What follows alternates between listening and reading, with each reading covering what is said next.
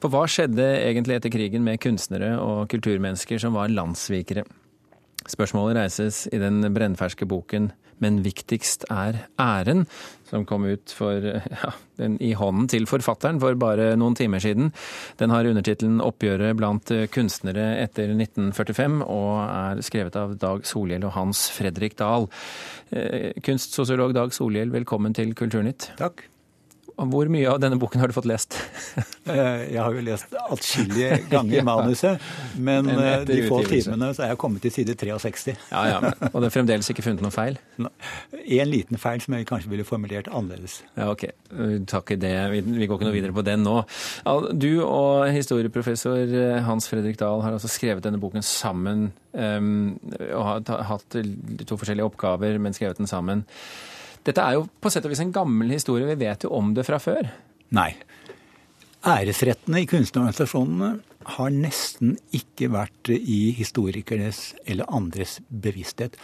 Alle har hørt om landssvikoppgjøret, som foregikk i rettsvesenet. Nesten ingen har hørt om æresrettene, som foregikk så å si på privat grunn i kunstnerorganisasjonene.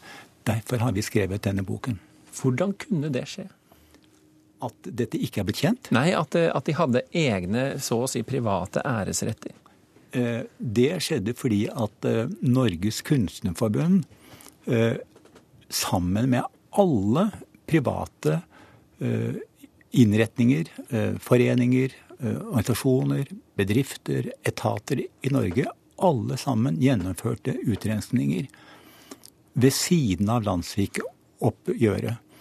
En kortversjon av det som skjedde, var at alle landssvikdømte mistet sine medlemskap, sine verv, sine jobber etc. Men i tillegg, så de som da i kunstnerorganisasjonene, de som ikke var blitt dømt eller skulle bli dømt som landssvikere pga. medlemskapet i NS, for dem foretok man en mildere form for oppgjør innenfor en privat regi, innenfor organisasjonenes regler.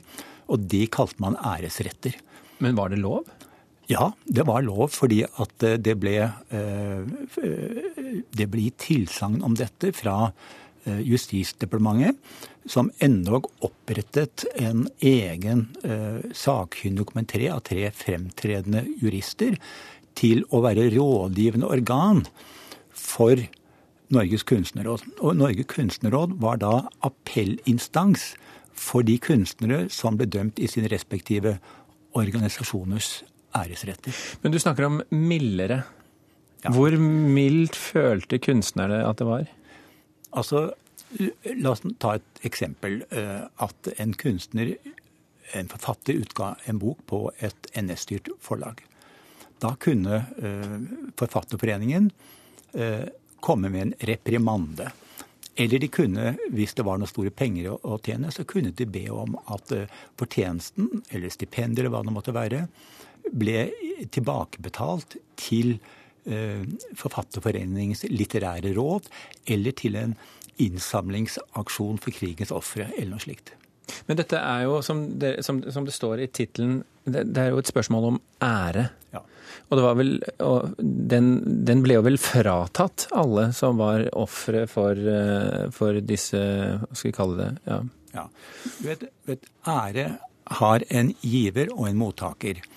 Og kunstnerorganisasjonene måtte vise utad at de hadde sin nasjonale ære i behold.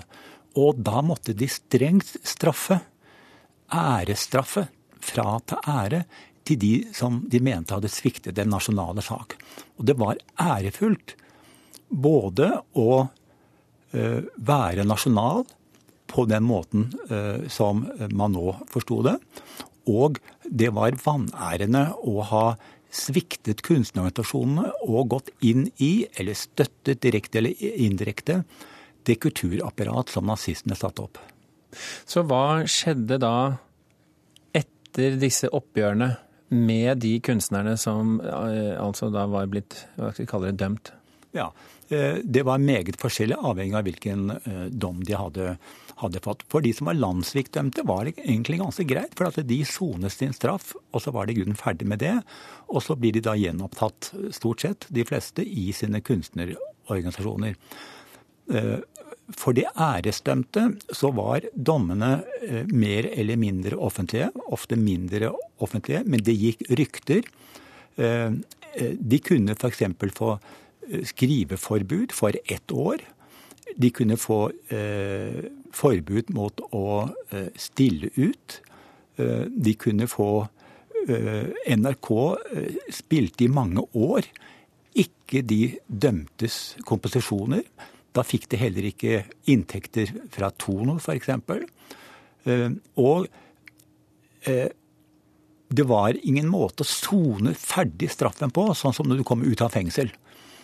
Slik at disse, disse rene æresdommene, de, de, de hadde mye mer vidtrekkende virkning enn det jeg tror det egentlig var tilsiktet å ha. For Det, de, de skulle ikke, være mildere, men de endte opp å være mye verre? Det var et, det var et paradoks. Fordi at uh, det sluttet jo ikke med dommene i æresrettene.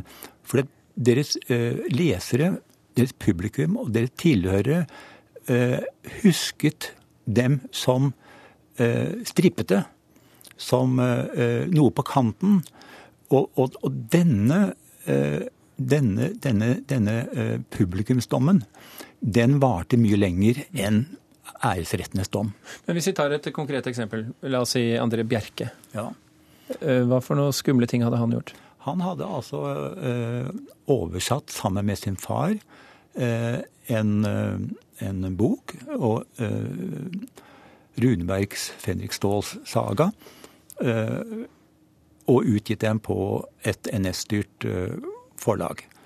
For det fikk han i første omgang, eh, og faren, beskjed om at hele honoraret på 10 200 kroner måtte de betale tilbake. Hvilket var mye penger? Samtidig så hadde han da fått enormt. Eh, samtidig hadde han da fått eh, forbud mot å la seg høre, som det het. Slik at han på den ene siden så hadde han da fått beskjed om å betale tilbake penger. På den andre siden var han frattet mulig for å tjene de pengene han skulle betale tilbake. Og vi vet at eh, André Bjerke i mange år uh, følte seg æresdømt. Altså det gikk, på, det gikk på hans selvfølelse, og det, det, var mange andre som hadde det som ham. Og uh, hans familie kan jo ennå fortelle om, uh, om, hans fortvilelse enkelte ganger når, han, når, dette kom tilbake til ham. Mm. Hans ære var fradømt ham. Men eh, viktigst er æren, altså oppgjøret blant kunstnere etter 1945. En ny bok eh, av Dag Solhjell, tusen hjertelig takk for at du kom til Kulturnytt, eh, som han altså skrev sammen med Hans Fredrik Dahl.